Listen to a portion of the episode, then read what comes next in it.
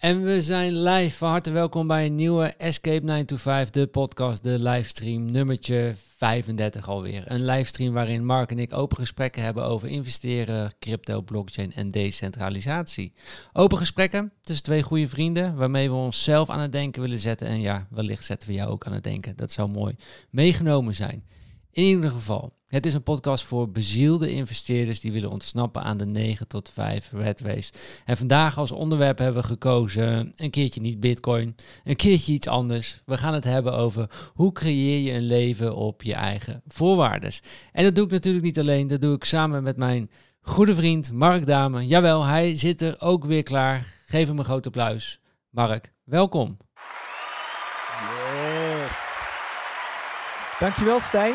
En ik heb er weer zin in. Vorige week zaten we lekker naast elkaar. Waren we in Malaga. Een paar dagen later zagen we elkaar in Nederland weer. Ja. Uh, dus uh, het is eigenlijk een beetje de missing dat ik jou niet uh, gewoon bij mij in de buurt heb zitten. Maar even goed, leuk om dit toch weer vandaag te gaan doen. En ja, je gaf, gaf, het al aan, hè, het onderwerp van vandaag. Ja, dat, we dat, van, dat wij dat bedacht hadden. Maar eigenlijk klopt dat niet. Want dit onderwerp, dat hebben andere mensen bedacht. Namelijk iedereen die tijdens de natalk, hè, die we vandaag ook weer gaan doen, uh, die er uh, live bij aanwezig zijn, die hebben we toen ook de vraag gesteld: hey, waar vind jij het leuk van uh, voor om, om over te hebben? En we kregen hele leuke berichten kregen we daarvoor. En deze is er dan uiteindelijk uitgekomen, omdat het eigenlijk een samenvatting was van verschillende onderwerpen die meerdere mensen aangaven. Dus, en ik vind het eerlijk gezegd ook onwijs leuk om gewoon wat meer die diepte in te duiken en ja, onze, onze lessons learned uh, te delen. Dus uh, ja, ja, cool. Ja, en Mark, we zeggen ook altijd, de, de podcast is voor bezielde investeerders. Hè? Dus het gaat niet alleen maar over investeren, het gaat ook over bezieling.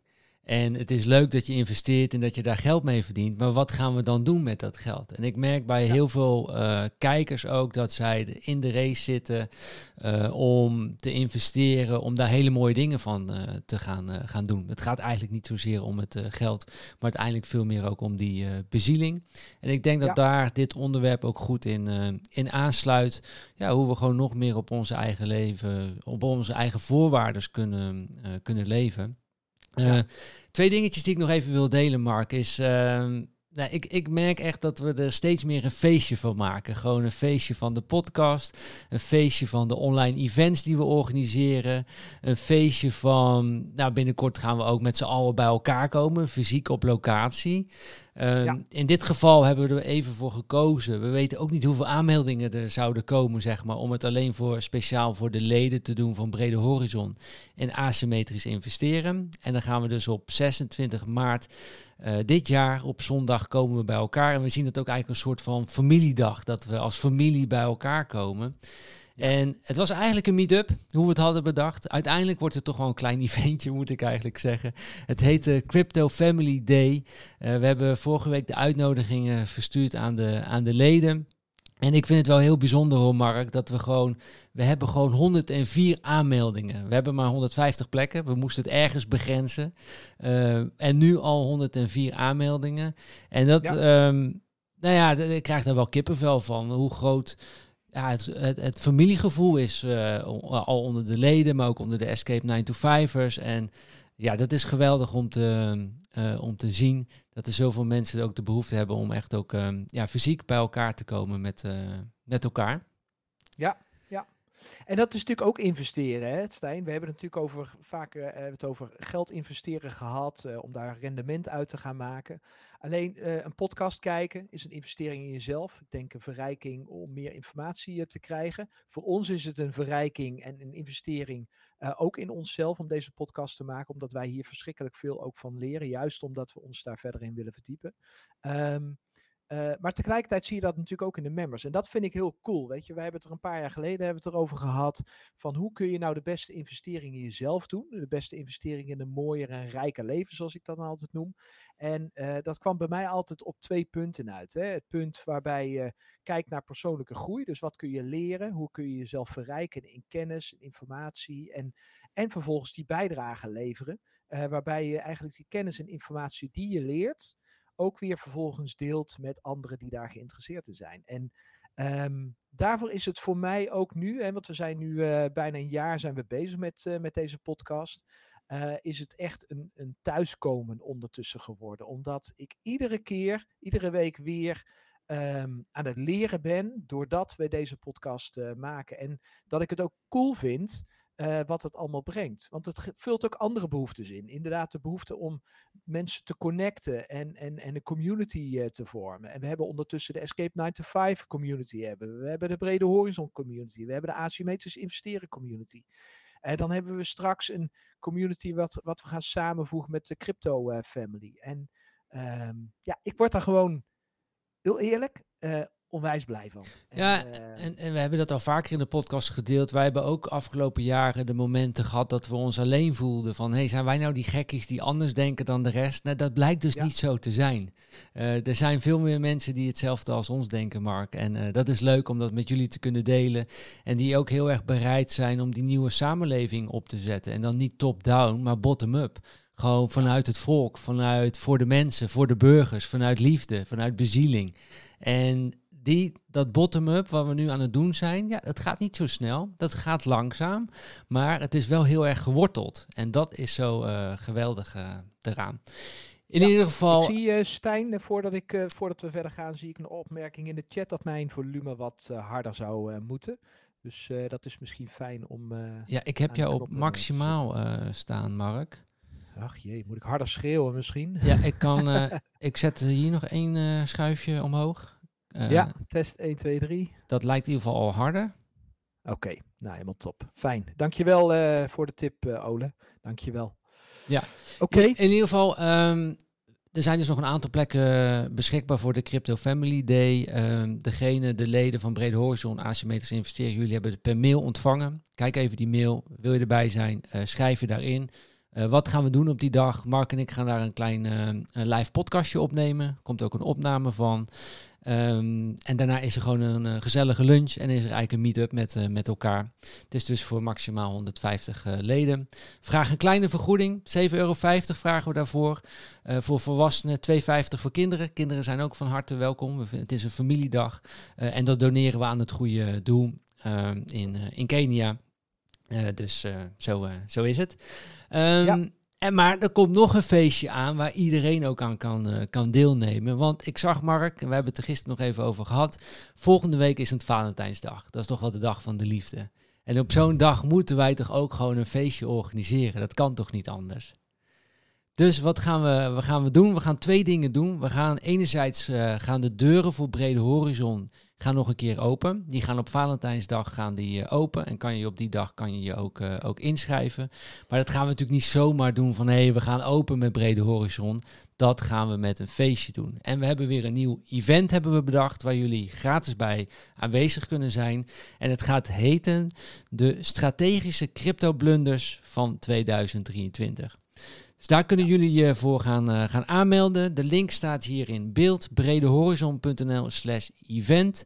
Belangrijk om te weten, het is een online event. Je kunt gratis deelnemen, maar hij blijft privé, deze, deze inhoud. Maar het gaat wel weer een feestje worden, dus je wilt er zeker bij zijn. Meld je even aan, dan uh, kun je er live bij zijn en kun je ook gewoon de opname ontvangen. En we gaan er samen gewoon ook weer een... Uh, ja, het gaat gewoon weer mooie inzichten voor je opleveren, dat weet ik zeker. En je gaat veel uh, blunders voorkomen, maar je gaat ook een goede strategie hebben voor 2023 in de, in de crypto-wereld. Dus dat gaan we met je, met, je, met je delen.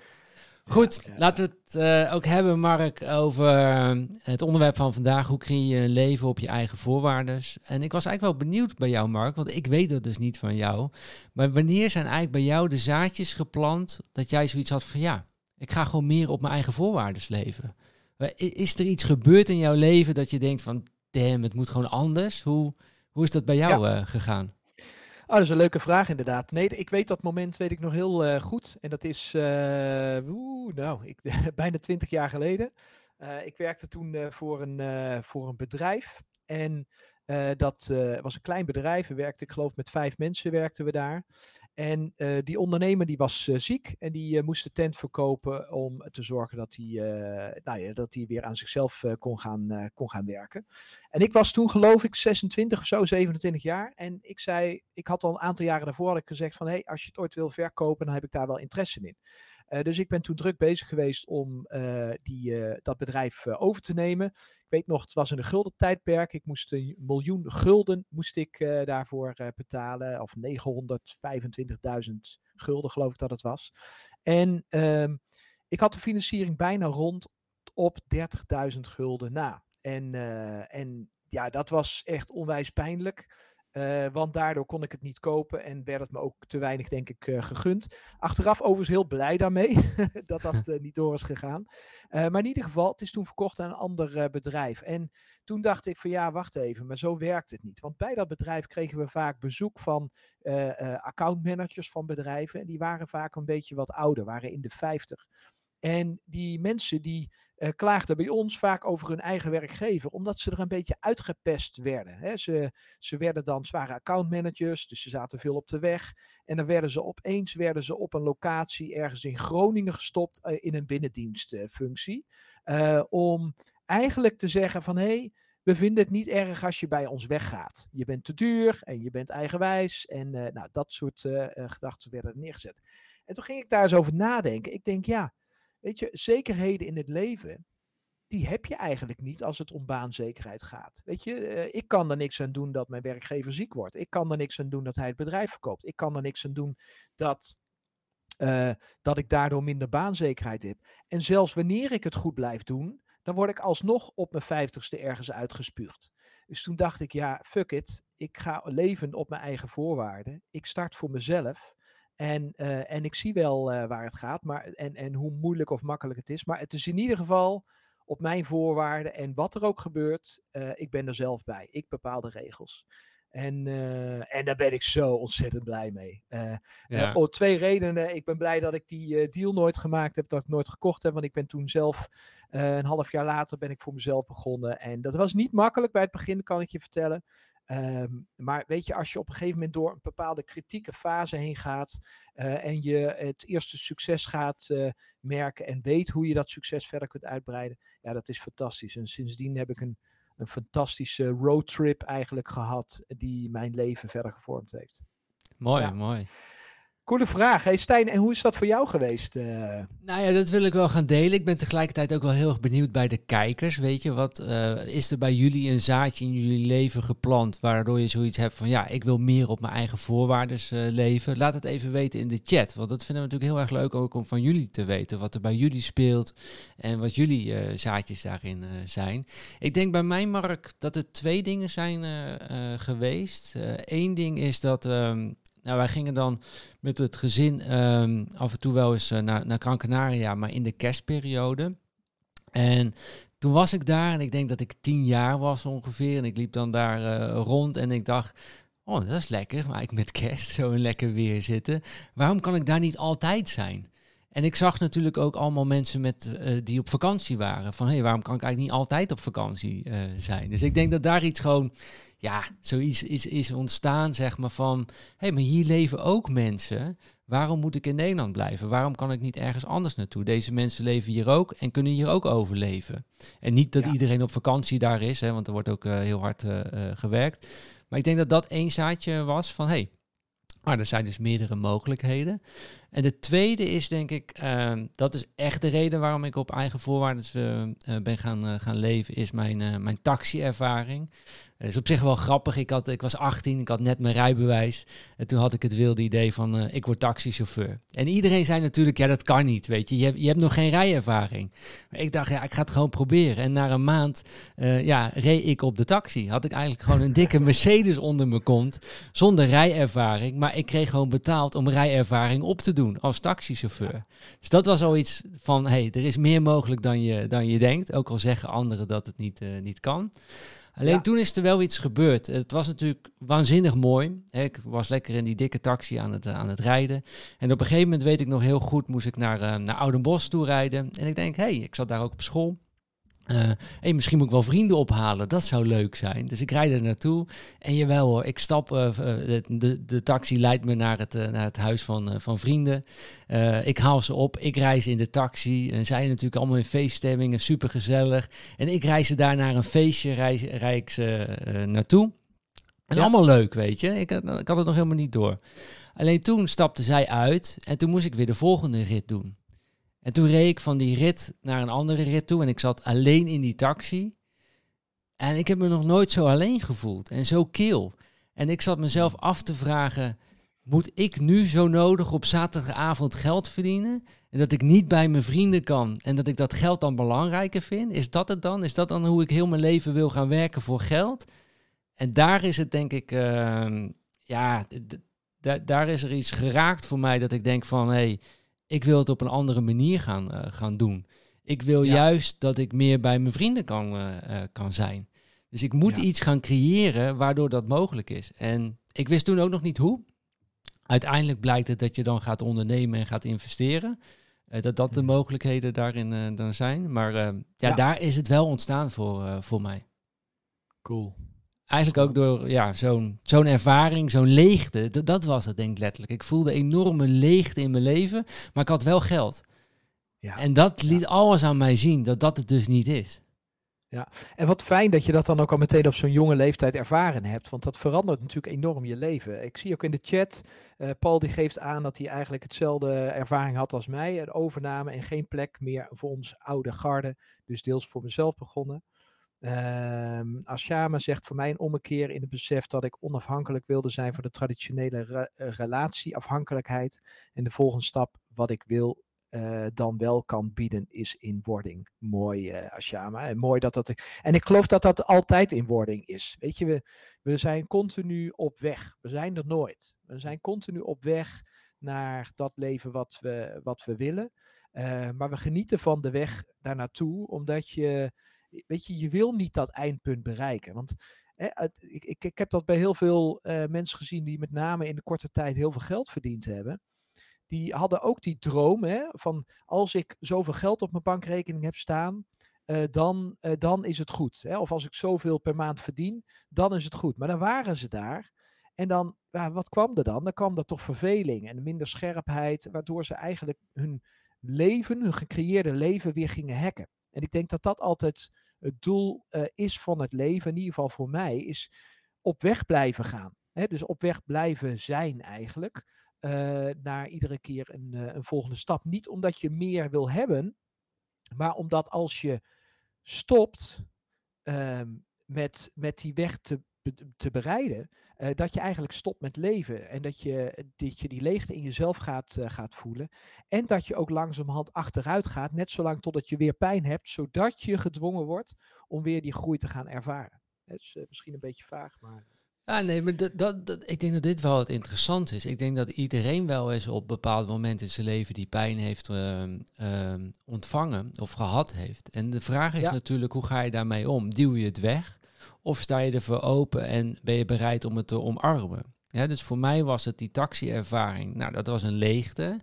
En, ik, en ik ben gaan kijken, hoe kan ik dit gaan omarmen? Hoe kan ik dit in mijn voordeel laten, laten brengen? En ik ja. denk dat dat bij heel veel mensen, dat jullie dat allemaal zullen herkennen, dat jullie dat allemaal wel iets hebben meegemaakt, dat er allemaal een reden is waarom je dat zo graag uh, anders wil.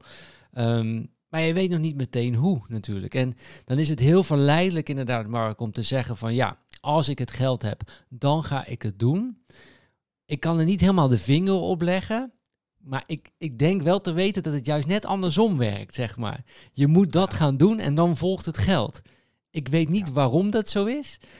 Maar het is voor mij in mijn leven al wel heel vaak zo uitgekomen. Juist door uh, te gaan zeggen, ik ga dat juist wel doen. Hè? Ik ga juist wel op die taxi. Ik weet, ik heb nog geen taxi-ervaring, maar ik ga het toch doen. Ik ga ervoor.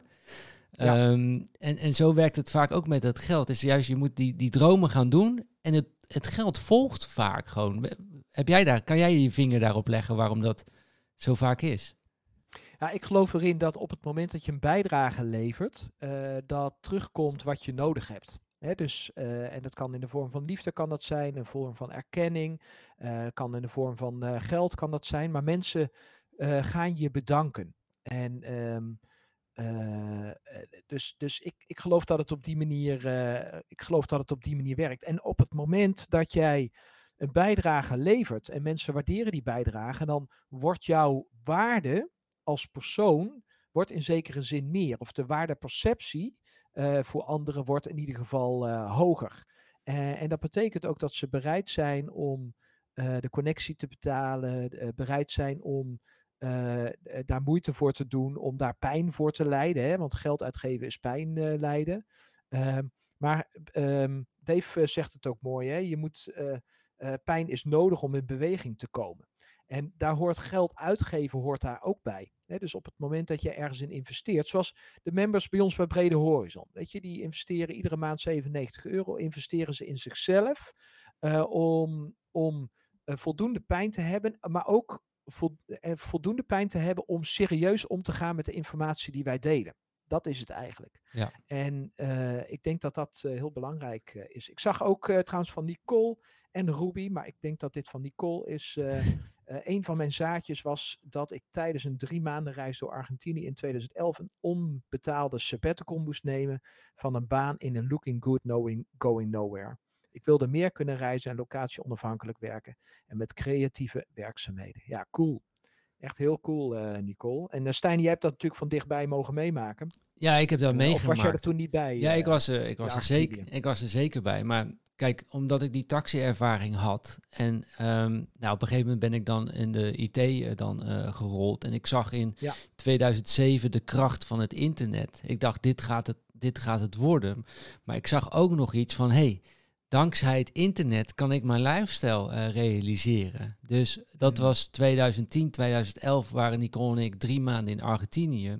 En toen gaf ik al webinars. En uh, ik had een andere compagnon. En met dat bedrijf, uh, onze klanten zaten in Nederland, in België. Uh, maar ook sommigen zaten in Indonesië. Die hadden het ook al door. Um, ja. En konden wij dus al locatie onafhankelijk konden wij gaan werken. Dat is 2007, dankzij webinars te, te geven. Dus door dat zaadje van die taxi. En toen zag ik opeens het internet. Dacht ik, hey, ik kan hier een lifestyle creëren met die werkzaamheden door het internet goed te, te benutten. En dat is denk ik ook een van mijn inzichten uh, geweest, is dat je, mm, wat, kijk, wat doen de meeste mensen? En het gaat niet om goed of slecht, hè? het gaat hier om, om ervan te leren en wat voor mij heeft uh, gewerkt. Ik denk dat de meeste mensen kiezen hun werk en dan kijken ze nog over wat er overblijft aan lifestyle. En het idee wat Nicole en ik hadden is van oké, en ook met mijn compagnon, mijn toenmalige compagnon, wij, wij, wij begonnen de onderneming om onze lifestyle te faciliteren.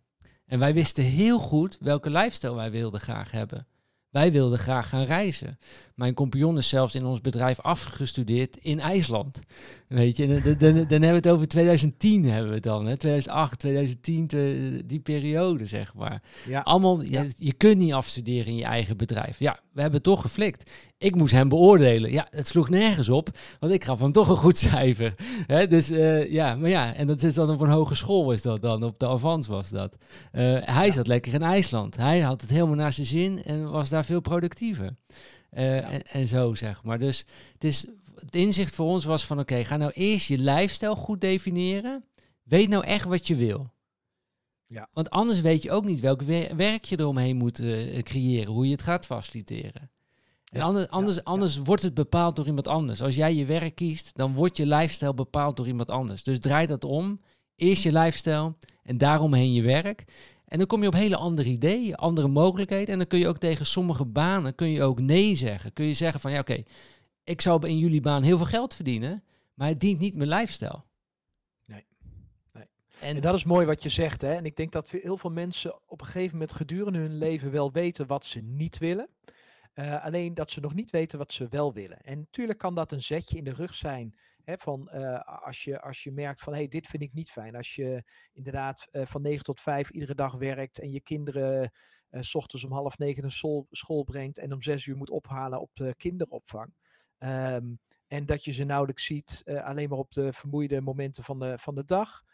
Of in de weekenden. of dat je in de vakanties ook met allerlei oppascentrales moet gaan werken. Weet je, een van de dingen die, die voor mij iedere keer, hè, eh, bij mij komen er iedere keer nieuwe triggers. Toen ik kinderen kreeg en toen weliswaar als ondernemer aan het werk was, maar wel veel uren maakte. toen was het op een gegeven moment was het inzicht dat ik dacht van ja, maar ik wil gewoon met, wanneer zij vrij zijn, wil ik ook vrij zijn. En met, die, met het benoemen van die behoeften veranderde de manier van werken. Van oké, Weet je wat dat betekent? Dat betekent gewoon dat ik dus productiever moet zijn. Of dat ik meer moet gaan delegeren aan andere, andere mensen. Zodat er uh, bepaalde werkzaamheden van mijn bordje afkomen. en het begint met zo'n simpel inzicht eigenlijk. Waarin je direct, want ik weet nog precies wanneer ik dit inzicht uh, had. En, en dat was op een vrijdag was dat. En op de, de maandag daarna ben ik toen met mijn team uh, gaan, uh, gaan zitten. En toen heb ik gezegd, we gaan het allemaal anders doen. Maar niet alleen voor mezelf, voor mijn hele, hele team zijn we het anders gaan doen. Dus we zijn veel meer naar de werkzaamheden gaan kijken waar iedereen energie van krijgt. En het werd net ook al heel even in de chat, werd het ergens genoemd van je moet niet werken voor geld, maar voor energie. En ja, dat ben ik helemaal dat is absoluut, uh, absoluut waar. Marianne zei dat, vind ik een hele mooie. Je moet niet werken voor geld, maar voor energie. Prachtig gezegd. Dat is, je, je voelt het dan stromen, je hebt er dan zin in en dan, dan mag het geld ook komen. Precies, precies. En Um, uh, en dat begint dus met het maken van, van, van beslissingen. Dus ik heb dat toen met mijn team heb ik dat, heb ik dat veranderd. Voor iedereen is dat veranderd. We hebben ook gezegd, iedereen kan gewoon nu thuiswerken. Uh, we werken allemaal in focusblokken, hebben we toen geïntroduceerd. Waarbij uh, ze ook niet gestoord werden door elkaar. Waardoor de productiviteit door de pannen heen ging. Niet zodat ze vervolgens meer gedaan konden krijgen op, op een dag. Nee, gewoon dat we wat eerder naar huis konden gaan. Zodat we allemaal om drie uur naar huis konden gaan om lekker onze boodschappen te doen. Of in mijn geval lekker met de kinderen te gaan spelen. En vakanties, precies hetzelfde. Hè? Op een gegeven moment heb ik de beslissing genomen. Als de kinderen vakantie hebben, of ziek zijn, of een studiedag hebben, of whatever, dan ben ik thuis. En dat is voor mij een heilig. Weet je, dus. Uh, en ik, ik, ik, ik vind het mooi wat je noemt. Weet je, het gaat echt om. Uh, je lifestyle creëren. Dus dat bedenken, uitschetsen. En, eh, en, misschien is dat leuk huiswerk voor als jij nu live zit te kijken of in de vertraging. Weet je, schrijf het eens op en, en deel eens onder de video dan uh, uh, wat, wat dat voor jou, welke inzichten jou, dat jou heeft, heeft gebracht. Want ik geloof daar zo in, in die creatie van het leven vanuit het, het idee van, hé, hey, ik heb een wit vel papier, heb ik. Daar staat niks op, letterlijk staat er niks op. En ik laat even alles op weg wat ik al heb. Mijn baan, uh, mijn leven, mijn verantwoordelijkheden, mijn clubjes, weet ik het allemaal. Maar ik begin even schoon, met een schone lei. En, um, en ik ga opschrijven wat, uh, hoe ik het uh, leven zou willen creëren. Ja, en, Mark, dat is eigenlijk een oefening die Nicole en ik ieder jaar doen, of twee keer per jaar ook in de zomerbreek. Is gewoon, dan gaan we gewoon even ervoor zitten, gaan we er even naar kijken. Wat willen we meer, wat willen we minder? Het is heel simpel. Ja. Wat willen we meer in ons leven, wat willen we minder in ons leven? Gewoon even weer die bewustwording, dat gaan opschrijven, visualiseren. Um, en daar dan ook je aan houden, je commitment op, uh, op, uh, op geven. En Precies. het is het interessante, Mark, wat jij net zei, is dat um, sinds ook dat de, de kinderen bij jou zijn gekomen. En, en waar ik naartoe wil, is dat het interessante is juist dat, ik denk dat we dat in de huidige samenleving vergeten zijn, zeg maar. Want tegenwoordig is alles is mogelijk. En we kunnen alles op allerlei dingen gaan, uh, gaan doen. Maar uiteindelijk denk ik toch, waar ik achter kom, is dat het de beperkingen zijn die je uiteindelijk de meeste vrijheid gaan opleveren. Dus het zijn, de kinderen hebben jou op een bepaalde manier even beperkt, zeg maar. Dat je creatief moest nagaan denken. En uiteindelijk heeft je dat weer heel veel vrijheid in je leven uh, gebracht. Um, alleen het lijkt wel alsof we een leven op onze eigen voorwaarden moeten hebben zonder beperkingen. En dan gaat het dus niet lukken. Je, je hebt die kaders, die grenzen uh, wel nodig om uiteindelijk tot een nieuwe vrijheid te komen. En dat is niet de vrijheid dat je onder een palmboom gaat, uh, gaat zitten, maar de, vrij, de keuzevrijheid hebben dat jij ochtends mag opstaan en mag kiezen wat jij, hoe jij je dag wilt, uh, wilt indelen. Maar ja. omarm dat, dat dat met beperkingen te maken heeft. Dat, dat leg jezelf beperkingen op, dan kan je tot die nieuwe stap komen. Ja, ik vind dat zo mooi. Volgens mij heb ik het eerder gedeeld, hè, van uh, de, de inzichten die Anthony Robbins uh, mij ooit gegeven heeft in, weet ik veel, op een event of podcast of uh, ik weet niet waar. Maar in ieder geval, um, de, de Six Human Needs noemt hij dat. En dan heb je vier basis needs heb je en twee extra needs. En, en die twee extra needs, die zorgen voor het geluk. En die vier basis needs, die zorgen er eigenlijk voor dat je continu onrustig blijft. En dat is de behoefte aan zekerheid in je leven aan onzekerheid in je leven. Dus dat is een tegenstelling. Uh, aan de behoefte aan connectie en liefde, maar ook de behoefte om uniek te zijn. En dat is ook een tegenstelling. Want als je heel erg uniek bent, ja, dan dan, dan kunnen mensen zich niet meer identificeren met jou. En dat maakt dat je dus eenzaam wordt. Tegelijkertijd, als je alleen maar ehm, in connectie bent, dan krijg je op een gegeven moment krijg je de behoefte. Dat kun je herkennen als je verliefd bent.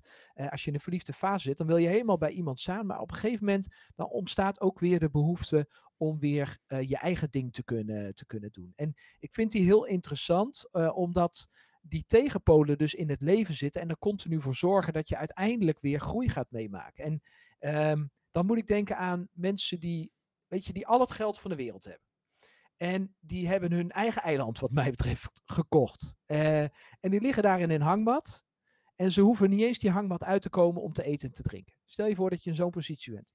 Hoe lang is dat leuk? Dat is misschien bij het begin even leuk. Misschien een dag of een uur of een paar uur. Of voor sommige mensen misschien wel een week of twee weken. Maar ergens komt er het moment dat jij weer de behoefte hebt om wat meer uitdagingen in je leven te hebben. Wat meer onzekerheid in je leven te hebben. En uh, dus ik geloof dat het leven altijd ervoor zorgt dat je in beweging komt. Maar waar gaat het fout? En dat zullen ook meer veel mensen en misschien ook veel ki kijkers herkennen. Uh, dat ze dat misschien ergens in hun leven meemaken of op dit moment. Is dat je als je te comfortabel wordt. Weet je, dan, dan krijg je stress. Dan gaat het niet goed. Dan word je ongelukkig. Hè? Dat, dat, dat ga je merken.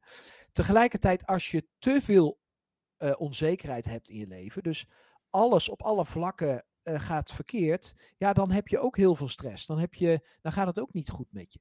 dus je moet altijd ergens een balans vinden. En dan kom je eigenlijk terug op wat ik bij het begin van deze podcast zei, en waar ik zo blij mee ben dat we die bijdrage iedere week mogen brengen. Omdat dat leren, dat, dat, die persoonlijke ontwikkeling centraal stellen en die bijdrage leveren centraal stellen, dat is wat mij betreft de winst die, uh, die je kunt maken. Want als je dat doet, dan ervaar je zekerheid in je leven. Omdat je iets doet waar je goed in bent of waar, wat je leuk vindt om uh, te doen. Het brengt heel veel variatie, heel veel onzekerheid, heel veel uitdaging brengt het. Omdat je continu aan het leren bent. Het geeft heel veel connectie. Kijk nou naar de mensen die wij allemaal uh, de mooie mensen die wij allemaal mogen ontmoeten. Alle mensen die er live bij zijn, maar ook die in een vertraging aan het kijken zijn. Uh, waar wij prachtige berichten van krijgen. Geeft zoveel connectie en liefde krijgen we daarvan. Maar het geeft ons ook een uniek podium. Waarbij wij, Stijn, jij en ik, uh, ons, ons op ons eigen podium zitten. En een uniek gevoel hebben dat wij deze bijdrage mogen leveren. He, dus het, dus door, het raakt heel veel facetten, inderdaad. Wat het je raakt zegt. heel veel facetten. En. en Um, en dat is wat mij betreft, uh, staat dat ook centraal in mijn leven, in ieder geval de manier waarop ik het doe, waarop ik mijn leven creëer. En dat, doe, en dat, dat werkt op alle vlakken, op liefdesvlak, op, op een bijdrage leveren, geld verdienen, um, uh, uh, met je kinderen in, in connectie zijn, met, met nou, wie je dan ook wil in connectie zijn door continu ja, dat eigenlijk na te streven. En um, en dat is voor mij echt een, een rijker en uh, vrijer uh, leven creëren op je eigen voorwaarden. Ja, maar dit is mooi, Mark. En ik denk dat we al een aantal tools hebben gegeven. Dat we hoe je vooruit kunt kijken, zeg maar. Maar ik weet ook als je die stap wilt gaan zetten, dan, ja, dan komen er ook bezwaren naar, naar, naar voren. Komen er ook angsten naar, naar voren. Ik ben wel Zeker. benieuwd bij de, bij de kijkers ook. Wat, wat houdt jullie nu tegen om bijvoorbeeld te ontsnappen aan de Escape 9 to 5, uh, de Red Race, zeg maar? Of wat, houdt jullie nu nog tegen waarom je nog niet leeft op je eigen voorwaarden? Laat dat even weten in de, in de chat. Misschien kunnen we het daar ook over hebben. Kunnen we daarover brainstormen met, uh, met elkaar. Maar, maar wat houdt je nu nog tegen, zeg maar, om die, die, die stap te zetten? Zodat je echt op je eigen voorwaarden gaat, uh, gaat leven. Wat, ja. um, wat is het bij jou geweest, Mark? Wat heeft jou uh, tegengehouden daar, uh, daarin? En hoe ben je daarmee mee omgegaan? oh my god. Um, ik denk dat het belangrijkste wat, wat mij heeft tegengehouden, dat ik dat meestal zelf ben geweest. dus het is echt een mentale spelletje is het. Um, dus, en en dat, dat kan van alles zijn. De angst om uh, je huis te verliezen. Toen ik uh, begon met ondernemen had ik net een huis gekocht. En, en, en er waren echt wel twee inkomens nodig om, dat om die hypotheek te kunnen, te kunnen betalen. Um, dus eh, dus daar zat een angst in. Hè. Dat kan, kan ervoor zorgen dat je vast blijft zitten in het werk, in de gouden kooi die je hebt, in de zekerheid van, of de schijnzekerheid van een baan, zeg maar. Uh, dus ik denk dat dat een belangrijk is. Maar ook wat de omgeving daarvan vindt. Weet je, als je opeens, nou bijvoorbeeld online, toen ik meer uh, online ging, ging zitten. Ik weet dat er in een oude vriendengroep van mij een aparte appgroep was om te praten over wanneer ik online was en wat ik allemaal deed. Um, weet je, dus, dus je moet daar overheen stappen of je moet zien wat hun behoeftes zijn en wat jouw behoeftes zijn. Um, uh, dus dat kan je tegenhouden. Uh, je, je ouders kunnen je tegenhouden. Uh, dat doen ze niet expres, maar dat doen ze vanuit liefde, omdat ze zich zorgen maken. Weet je, dus iedere keer ik heb, ik heb meerdere bedrijven heb ik, succesvol opgebouwd en verkocht. En iedere keer als ik het verkocht had en op dat moment um, nog niet wist wat ik wilde gaan doen, kreeg ik altijd vanuit mijn liefdevolle ouders te horen van hey, dat het misschien een goed idee was om gewoon een baan te gaan zoeken. Uh, en dat kan natuurlijk. Uh, en ik, ik snap waarom ze dat zeggen. Maar dat kan je dan onzekerheid, onzeker maken. Dat je denkt van ja, ik heb, ik heb het nu één of twee of drie keer succesvol gedaan. Maar dat wil niet zeggen dat dat succes in ondernemerschap gaat blijven. Dus misschien moet ik maar gaan kiezen voor een baan. En dus je partner kan je tegenhouden omdat hij of zij bang is of bepaalde ideeën heeft over het leven. Ik heb laatst nog iemand gesproken die inderdaad de stap nu naar ondernemerschap aan het maken is. Uh, maar diens partner die geeft aan van ja, maar ik wil graag een huis gaan, uh, gaan kopen. En als jij nu als ondernemer gaat starten, ja, dan kunnen we geen hypotheek krijgen. En dus ik denk dat, dat het uitdagend is, uh, dat, dat er heel veel uitdagingen gaan komen. Maar dus ook, zoals jij net al mooi noemt, heel veel groeikansen. En ik denk als je daar vooral naar kijkt en ook de juiste mindset hebt en misschien ook op bepaalde momenten een beetje egoïstisch bent. Niet egoïstisch omdat je alleen maar aan jezelf denkt, maar egoïstisch om jezelf even te beschermen tegen je omgeving die ervoor gaat zorgen uh, dat ze je tegenhouden. Want dat is ook de reden, en misschien knal ik nu een beetje er veel uit in één keer, maar uh, dat doet me ook direct denken, weet je, je omgeving die wil graag, die heeft, die, heeft die, die six human needs waar we het net over hadden, die hebben de behoefte om met jou connectie te houden. En op het moment dat jij aan het groeien bent, dan, uh, dan zal de connectie met hun zal minder gaan worden. En dat is heel natuurlijk. Dus of zij moeten meegroeien, of je connectie wordt minder. En intuïtief voelen mensen dat aan. En wat doen ze dan? Dan gaan ze dingen tegen je zeggen van, ah, maar dat heb je toch helemaal niet nodig, je bent toch al succesvol? Of, hey, um, uh, van uh, doe maar normaal, dan is het toch ook al goed genoeg. Of uh, hey, ben ik opeens niet goed genoeg meer voor je? Je gaat die studie doen. Ik heb bijvoorbeeld in de avond, toen ik net ook een zoontje had, ging ik een studie ging ik doen, een HBO-studie, Amsterdam. En daardoor kon ik niet meer naar de kroeg met mijn vrienden toe. En die zeiden, ah joh, je hebt toch al genoeg gestudeerd en je kunt toch al genoeg, zijn wij niet belangrijk genoeg voor jou om om, uh, om mee in de kroeg te zitten. Ja, dat is niet waar. Daar heeft er niks mee van doen. Ik snap waarom jullie dat zeggen. En ik vind het heel fijn om te horen dat jullie het heel fijn vinden dat ik er ben. Maar dit is voor mij belangrijk om een bepaalde groei in mijn leven te creëren, uh, waar ik gelukkig van word. Het is soms moet je, om jezelf te beschermen, moet je misschien dus ook afscheid nemen van bepaalde mensen in je omgeving. En ik denk dat dat voor mij ook een belangrijke learning is geweest. En dat is een hele moeilijk hoor. Want Stijn, als je als je al uh, lang met mensen omgaat, dan wil je daar geen afscheid van nemen. Dan wil je daarmee in connectie blijven. Maar soms moet je dat in ieder geval tijdelijk even doen om jezelf te helpen om die stap te gaan, uh, te gaan maken. En misschien ja. laat dit ook meteen zien dat leven op je eigen voorwaarden klinkt heel mooi, maar niet per se heel makkelijk is. Je gaat deze nee. dingen aanlopen en de vraag is, je gaat getest worden door het universum. De vraag is, kan je daarmee omgaan? Kan jij ja. die verantwoordelijkheid dragen om op je eigen voorwaarden te leven? Dat is eigenlijk, denk ja. ik, de, de, de testen die het universum op jou gaat, uh, gaat afvuren als je hiervoor voor gaat kan jij die verantwoordelijkheid dragen? En we zitten natuurlijk in een samenleving waarin ons wordt afgeleerd om eigen verantwoordelijkheid te dragen. Want Je hoeft geen eigen verantwoordelijkheid te dragen, want we hebben een overheid die je komt redden. Dat zijn denk ik ook conditioneringen die er gewoon ingeslepen worden. Je hoeft niet voor jezelf uh, verantwoordelijkheid te, te, nemen, want je hebt een werkgever die voor jou zorgt en een sociaal vangnet die voor jou zorgt, wat allemaal schijnzekerheden uh, zijn. dus dit is goed om te beseffen als jij wil leven op je eigen voorwaarden, dat het gaat ook over eigen verantwoordelijkheid. En, en kan jij dat aan? En dat is verantwoordelijkheden in, ja, in relaties. En het is mooi wat je noemt, hè? die conditionering, die begint natuurlijk al heel jong. Dat is eigenlijk vanaf het moment dat je naar school gaat, dan word je al geconditioneerd in een bepaald patroon. Je moet een bepaald gemiddeld persoon zijn, die klaar wordt gestoomd voor een arbeidsmarkt, om bij een een of andere corporate uh, te werken uh, en daar zogenaamd succes uh, te hebben. En zoals Nicole ook er straks noemde, hè, uh, nou, ik kan het zelf niet herhalen, maar in ieder geval. Looking good, lo looking good, going nowhere. Ja, precies. In je pak, in je mooie leasewagen.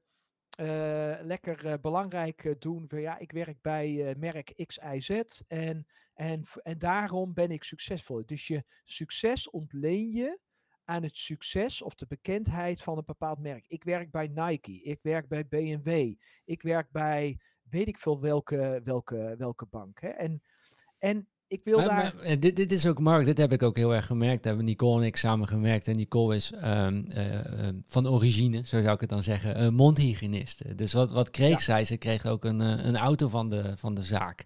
Um, en, en, toen ze op een gegeven moment zei van hey, ik ga voor mezelf beginnen, ik ga, ik ga stoppen met die baan. Een van de eerste vragen was, oh maar wat gebeurt er dan met je auto? Moet je die dan inleveren? Uh, ja, waarschijnlijk wel. ja, maar niet van, oh, wat tof dat je jezelf gaat verrijken op een nieuw gebied. nee, dit is toch die statuselementen. Wat gebeurt er met je laptop met je, uh, en, en, met uh, je auto en um, hoe ga je alles betalen? Dus er wordt ook heel veel uh, angst geprojecteerd op jou vanuit je omgeving. En ik denk dat dat ook een van mijn lessen is om te gaan kijken, oké, als er zoiets op jou wordt geprojecteerd, is dat de angst van die persoon of is het werkelijk mijn angst? Weet je, als het de angst is van die persoon, dan hoef ik het eigenlijk niet verder te onderzoeken. Dan kan ik de angst gewoon bij die persoon laten. Is het mijn oprechte angst, dan kan ik gaan onderzoeken, is die angst terecht? Is het waar? Ja. Weet je, wij zijn met zes koffers naar Spanje uh, gegaan. Nou, je hebt zeker heb je een bepaalde angst van, hey, hoe, hoe ga ik het daar rondbreien en kan ik daar rondkomen? Maar dan kun je in een loopje raken van, hey, ja, daardoor moeten we het niet doen. Of je gaat even naar het kijken van, oké, heel simpel wat wij hebben gedaan, Mark, bijvoorbeeld, is van, oké, hoeveel is het levensonderhoud in, uh, in Spanje? Nou, dat is een x-bedrag per maand. Nou, wij keken naar onze bankrekening. Wij dachten, nou, we kunnen minimaal een jaar in Spanje wonen zonder zorgen. Dan kunnen we tenminste met zes koffers daar naartoe gaan. En dan zijn we er minimaal een jaar. Ja. En, ehm, en, en, en dan gebeurt het. En dan ga je het doen. Dus dan is het, als het je eigen angst is, denk ik dat het belangrijk is om die angst te onderzoeken. In de ogen aan te kijken. En te kijken, is die angst waar? En heel vaak zul je erachter komen dat het de angst van iemand anders was. En dat de angst niet terecht is. Als je het even verder gaat onderzoeken. En, en zelfs als het je angst is, dat betekent niet dat je het niet moet doen.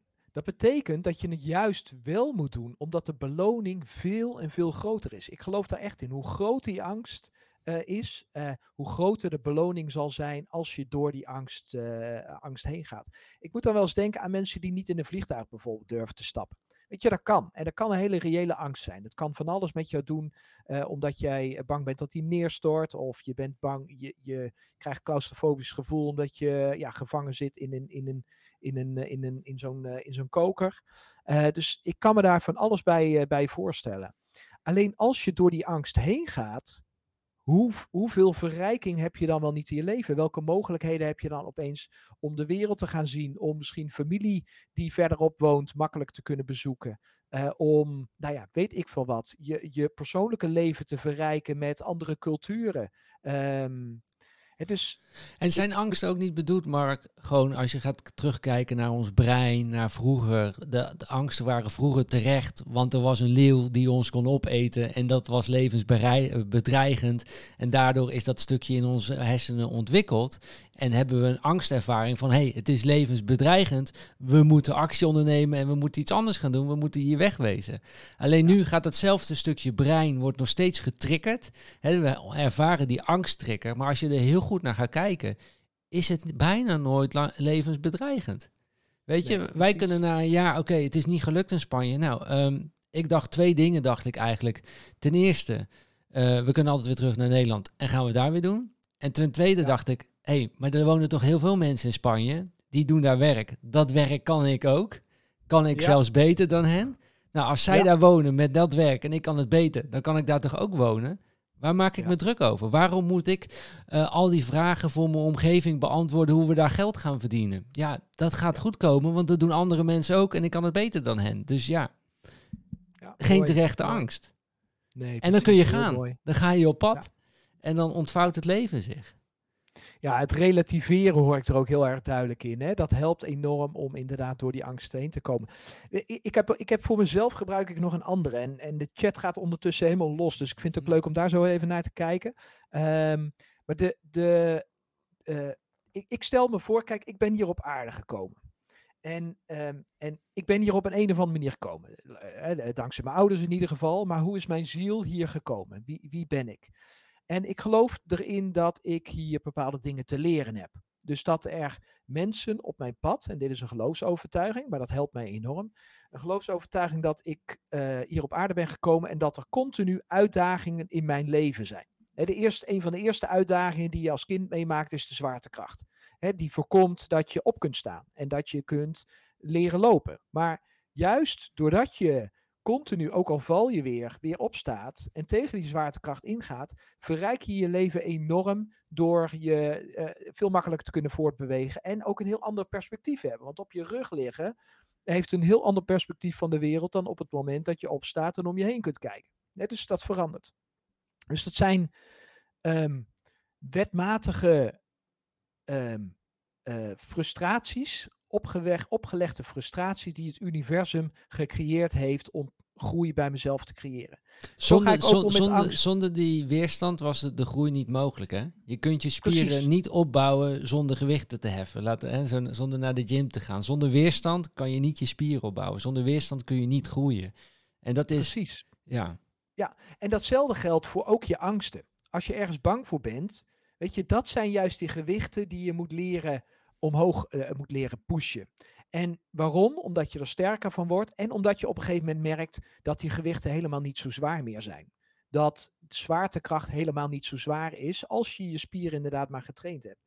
En dat zijn ook je mentale spieren. En ik stel me dan altijd voor dat ik aan het einde van mijn leven, ik ben net overleden, en mijn ziel gaat uit mijn lichaam en mijn ziel gaat naar mijn schepper toe. En ik weet niet hoe het eruit ziet, maar ik stel me dan voor dat daar een man of een vrouw zit en daar, uh, daar kom ik dan op audiëntie en uh, die zegt, nou, laten we eens gaan kijken hoe jij je leven geleid hebt. En die laat vervolgens in sneltreinvaart laat hij een video zien van mijn leven, wat ik allemaal gedaan heb. En vervolgens kijk ik daarna en dan denk ik, oké, nou, daar ben ik trots op of minder trots op of whatever. Weet je, dat maakt even niet uit. Um, maar daarna laat die schepper van mij, die laat mij een video zien hoe mijn leven had kunnen zijn op het moment dat ik de door hem of haar opgeworpen uh, uh, uitdagingen aangegaan was en daardoorheen was gebroken. dus net zoals de zwaartekracht, net zoals de gewichten, net zoals de frustraties, de mensen die om mij heen dingen zeggen dat ik ze niet moet doen, uh, mijn partner, mijn eigen mentale gesteldheid, mijn ziektes, noem maar op, als ik daar doorheen gebroken was. En dan laat hij mij een video zien wat mijn potentie had kunnen zijn als ik daar doorheen gebroken had. Wat eigenlijk zijn idee was voor mijn leven. En als je dan ziet dat alle beslissingen die je niet genomen hebt in je leven, ervoor gezorgd hebben dat je dus een middelmatig leven hebt gehad, eh, terwijl je potentie veel groter was. En dan heb ik het niet alleen over geld, maar dan heb ik het over de potentie voor meer liefde, een mooiere liefde, mooiere relaties, uh, mooiere verbindingen met, met mensen, meer ervaringen. Met je kinderen. Uh, met je kinderen, met je leven, met, met, met alles. Weet je, en dat horen we natuurlijk ook. Hè? Een van de grootste uh, spijt uh, op tante, uh, wat de, de, de mensen op een sterfbed zeggen, had ik maar meer tijd besteed aan mijn kinderen, had ik maar meer tijd besteed aan mijn partner, was ik maar minder aan het werk geweest, was ik maar, nou ja, ze, ze willen vooral meer tijd hebben doorgebracht met de mensen waarvan ze houden, die op dat moment op hun sterfbed zitten. Dus ik zit bij die schepper en die laat mij die video zien van de potentie. En dan moet jij je als kijker ook eens nu eens afvragen, als jij dat hebt. Hoe snel wil jij dan weer een herkansing hebben? Ik denk heel snel. Ik zou in ieder geval direct vragen van, oh alsjeblieft, ik heb nu gezien wat mijn potentie is. Alsjeblieft stuur me terug en laat me opnieuw beginnen. Laat me opnieuw dat leven leiden. Je zegt, eigenlijk, je, zegt, je zegt ook tegen die schepper van, ja, ik had niet gezien dat je het zo had bedoeld. Dat je daarom dat obstakel had opgeworpen. Ik keek er heel negatief naar en ik, uh, hè, maar nu zie ik de, uh, het idee achter dat obstakel. Um, ja. En uh, wat het, ja, dat is mooi.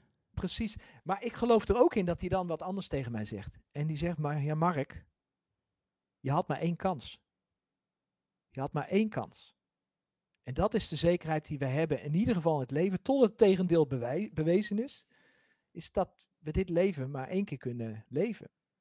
En dan is de vraag, wat wil je met dat leven doen? Wat wil je met dat leven bereiken?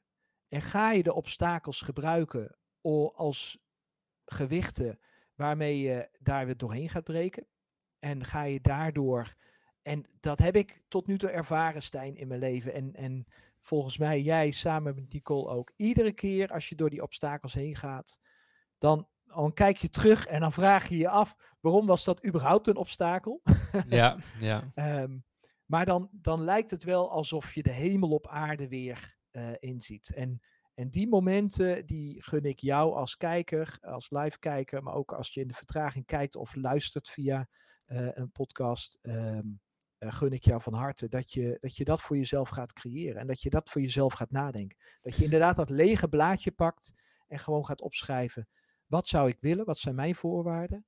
En dat je alles wat daarin tegen zit, of dat nou mensen in je omgeving zijn, of dat dat eigen beperkende gedachten zijn. Of praktische dingen dat je denkt, ja, maar ik moet toch de huur betalen, weet je wel? Dat je daar niet in laat beperken en dat je gewoon gaat kijken, hoe kan het wel? En, en, en, tegelijkertijd vraag ik me, ik, ik vind het een prachtig verhaal, uh, Mark. En uh, dit, dit, is echt mooi en uh, ook motiverend voor mij, weet je, om even dat schepje erbij te, te, te doen gewoon. en, en anders naar die obstakels te kijken die ook bij ons nog steeds voorkomen. Um, maar tegelijkertijd vraag ik bij mezelf, zit ik ook wel eens af te vragen als ik dan, dan terugkijk, zeg maar. Stel dat het bij mij anders was gegaan. Ik had niet die taxi-ervaring gehad. Ik had het niet gezien. Ik had niet die leegte ervaren. Misschien wel ervaren, maar ik had er niet aan toegegeven. En ik had twintig jaar lang in de maatschappij meegegaan zoals die ooit is opgebouwd. En die conditioneringen meegekregen van hypotheek, van schulden, van kinderen. Uh, je moet, moet hard werken voor je geld. Uh, al, al, die dingen, zeg maar. En, en, en, ik begin dan op mijn vijftigste, begin ik jouw verhaal te horen. Hè? En dan zit ik mezelf wel eens af te vragen van...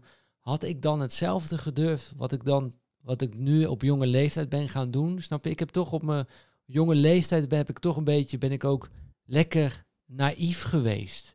En, ja. en, en ik heb me heel vrij gevoeld gewoon. En... Uh, ik weet niet waar het vandaan kwam. Ik kon gewoon niet anders, weet je. En natuurlijk heeft mijn ratio ook gezegd van... Um, moet je niet daaraan denken of is het wel genoeg? En, en, en zo zeg maar, al die, al die dingen. En ik zag ook natuurlijk uh, de studenten van mij meteen een betaalde baan krijgen, goed verdienen, een auto van de zaak, telefoon werd betaald, een laptop. Ja, en ik was daar aan het ondernemen op een zolderkamertje, weet je. Maar ja. ik, ik, en dat heeft natuurlijk niemand gezien. Maar ik kon niet anders. Ik, ik, mijn gevoel was zo sterk voor dit, dat ik, dat ik, dat ik moest wel, zeg maar. En, um, en daardoor ben ik, zit ik nu hier, snap je? Is, is het zo, met, met wat we allemaal hebben gedaan en bereikt hebben. Maar ik ben wel benieuwd als ik nu, als ik nu 50 was en al die conditioneringen van, van mijn omgeving op me had geplakt, weet je. Ik zou helemaal volgeplakt zitten. Je zou, je zou mij niet meer kunnen zien. Waar begin ik om dat er weer af te halen en heb ik het lef daarvoor, zeg maar? Ik was toen nog jong en er was niet zoveel op me geplakt. Mensen konden me niet zoveel raken. Ik dacht van, ik fuck het, ik ga het gewoon doen. Lukt het niet, kan ik altijd nog een baan zoeken, dacht ik. Dat was altijd mijn redenatie. Weet je, daar kan ik altijd nog op terugvallen. Ja, ja en, en, en ik denk, uh, of ik, ik weet, dat juist naarmate je ouder wordt uh, en wijzer wordt, um, dat het eigenlijk steeds makkelijker wordt. Dus enerzijds, ik snap wat je zegt. Je hebt natuurlijk. Of wordt het verlangen zo groot dat het ook niet meer uh, uh, houdbaar is hoe je leeft. Dus je moet wel zeggen. Maar en ik had al op jonge leeftijd van, ik doe het gewoon. Ik, ik voel het gevoel en ik luister ernaar. Ja, iedereen, iedereen moet een, een, een, een leverage creëren. Dus, dus een, iedereen, als je in beweging wil komen, moet de pijn zo groot zijn dat je wel in beweging gaat komen. Als jij in een pan, in, in, een, in een warme, aangename pan uh, stapt uh, en die pan wordt opgewarmd, dus denk aan die kikker, weet je, dan word je langzamerhand wordt je gekookt. Alleen er komt een moment dat die kikker in ieder geval uh, een poging zal doen om eruit te gaan springen. En ik denk dat je voor jezelf die pijn moet vergroten. Dus op het moment dat jij je leven wil veranderen, uh, dan, dan kun je dat doen. Dan heb je dat gewoon in jou. Je kunt de pijn vergroten met een verhaal, wat misschien niet waar hoeft te zijn. Ik, wat ik bijvoorbeeld gedaan heb, ik had uh, in 2018 had ik uh, een aantal grote bedrijven voor mij verkocht. En op dat moment um, hoefde ik voor de tweede keer in mijn leven hoefde ik niet meer te werken voor, voor mijn geld. de eerste keer had ik alles verloren, dus, dat, dus ik moest opnieuw gaan beginnen.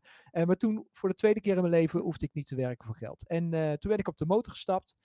En uh, toen ben ik door Europa ben ik heen gereden. En uh, uh, iedere keer was ik een week weg. En dan vloog ik weer terug naar mijn kinderen. En nou, zo ging ik mijn leven leiden. En op een gegeven moment, toen had ik een aantal financiële tegenvallers. Had ik door investeringen die niet gelopen waren zoals ik, zoals ik wilde. Um, en toen moest ik weer aan de bak. Maar ja, ik was net zo van mijn pensioenleven aan het genieten. Dus dan speelt er heel veel ego wat er wat er speelt, dat houdt je tegen. Een bepaalde levensstandaard die je wil bewaken uh, waar je geen afscheid van nemen. Maar ik moest mezelf in beweging krijgen. Ik wilde dat ik weer in beweging kwam. En ik vergeet het nooit meer dat ik in Italië ergens was en dat ik opeens scheldend op de motor in mijn helm zat van, nou, ik zal het allemaal niet herhalen, maar in ieder geval, ik was niet zo heel erg aardig tegen mezelf. Maar dat deed ik bewust, omdat het moment, omdat ik een momentum wilde creëren voor mezelf, waarop ik in beweging zou gaan komen. En uh, ik heb toen, ben toen gestopt langs de kant van de weg. En ik heb toen in mijn telefoon, uh, heb ik toen een, een, een verhaal tegen mezelf verteld, waarbij ik uh, vertelde van als, je nu, als jij nu geen bijdrage, als je niet die, die motor aan de kant zet en nu naar huis vliegt en niet direct uh, een bijdrage gaat leveren aan andere mensen, jouw kennis en ervaring gaat gebruiken om andere mensen te helpen, dan zullen je kinderen nooit respect voor je hebben. Dan zullen je kinderen nooit leren wat het is, hoe ze uh, de, wat de weg is om, uh, om een gelukkig leven voor zichzelf te creëren. Dan zullen ze nooit respect voor je hebben. Dan zul je de connectie met ze verliezen. Sterker nog, je zult ze uiteindelijk, als ze, als ze groter zijn, zullen ze, je, zullen ze je niet eens meer willen zien. Dat is niet waar, dat verhaal. Alleen dat helpt wel om jezelf in beweging te krijgen. En als je nou wat ouder bent en je zegt van Jezus Mina, ik heb al mijn leven geleid en ik had 20, 30 jaar geleden had ik dat moeten doen en nu kan ik het niet meer, om wat voor reden dan ook, want mijn kinderen studeren nu en dat moet allemaal betaald worden en ik heb een hoge hypotheek en bla bla bla. Fuck it, maak de pijn groter dan als je het niet zou gaan doen. Dus wat ga je allemaal missen als je het niet gaat doen? We weten de pijn van die je gaat hebben op het moment dat je het wel gaat doen. Maar je hoeft alleen maar de pijn te vergroten als je het niet gaat doen. En dat opschrijven en maak dat voor jezelf zo realistisch mogelijk. Want de pijn die je namelijk voor jezelf creëert, met al die verhalen die je voor jezelf bedenkt, omdat je verantwoordelijkheden hebt naar je kinderen die moeten studeren en je huis, hypotheek moet betalen en weet ik wat allemaal, en omdat je partner het niet wil dat je ontslag neemt en weet ik van wat allemaal van bullshit, is ook bullshit. En dat, sorry dat ik het zo zeg, maar daar raak ik echt gepassioneerd over. Want het is allemaal een story die je in je eigen hoofd creëert. Dus als dat het is, als, als dat op die manier werkt, maak dan een story die ook helpend is om dat leven te creëren wat je wel wil. Zodat je niet straks als je 70 bent of 80 bent, of als je 55 bent en hartstikke ziek wordt over vijf jaar, um, dan pas denkt, ah fuck, had ik het maar vijf jaar geleden gedaan. Ik heb een heel mooi verhaal heb ik van iemand gehoord die, uh, wie, die op een seminar was uh, geweest. En die op het moment stond om een einde te maken aan zijn eigen leven. Zo ongelukkig was hij. En eigenlijk ging hij naar dat seminar, was hij door zijn vrouw, daar was hij daarheen gestuurd. Zo van, nou hier heb je een kaart en ga er maar heen. En alsjeblieft, ik hoop dat je daar iets vindt wat, wat je weer blij maakt. Zij wist niet dat hij zelfmoord wilde plegen, maar ze wist wel dat hij niet blij was. En hij kreeg daar bepaalde inzichten over hoe het werkt om je leven te creëren. Hoe je je eigen stories in je hoofd bedenkt. En hoe dat je vasthoudt zeg maar, in je leven. En hij is daarvan teruggekomen. Hij heeft een heel ander leven gecreëerd in die paar jaar tijd. En het mooie aan dat verhaal is, en het treurige aan dat verhaal is, is dat die man, die inderdaad rond de 50 was, vijf jaar later, Stijn, een ernstige ziekte kreeg en uh, overleden is. Maar de organisator van het event heeft toen een brief van haar gehad, of een e-mail van haar gehad, om hem te bedanken dat ze haar man weer terug had in die vijf, laatste vijf levensjaren van zijn uh, leven. Dat hij zijn passie achterna is gegaan. En was het makkelijk? Nee, het had financiële consequenties. Dat had het absoluut voor hun gehad.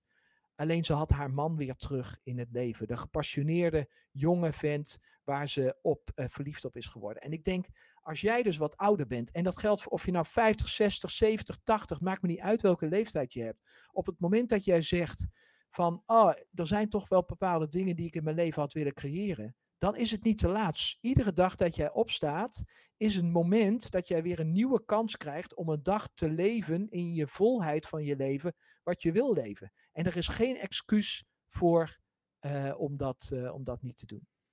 Mooi gezegd, Mark. Een mooi uh, verhaal. En uh, twee dingen die ik eruit uh, haal is één is van je kunt dus de pijn die je op dit moment ervaart vergroten en maakt dat zo groot en vergroot dat, dat je moet ervoor zorgen dat de pijn van nu dat die groter is dan de pijn van de verandering. Ja. En soms moet je jezelf er even een handje bij, uh, bij helpen om dat, jezelf dat inzicht te geven. En als de pijn van de verandering minder is dan de pijn die je nu ervaart, ja, dan ga je het doen, dan ga je in die beweging komen. En ik denk het tweede wat ook um, belangrijk is om te, te beseffen over die financiële consequenties die jij dan aanhoudt. En misschien heeft het inderdaad financiële consequenties op korte termijn om meer te leven op je eigen voorwaarden. Alleen de vraag is natuurlijk ook de route die je nu hebt ingezet in die red race. Dat lijkt misschien wel heel mooi financieel. Maar als je erover na gaat denken, zijn we met heel veel mensen een hele gekke deal aan het sluiten. Want ja. als je erover na gaat denken dat de twee dingen die, zijn, die schaars zijn in jouw leven, dat is je energie en je tijd. En dat wil je, dan ga je dus inruilen voor iets wat totaal niet schaars is. En dat is de euro.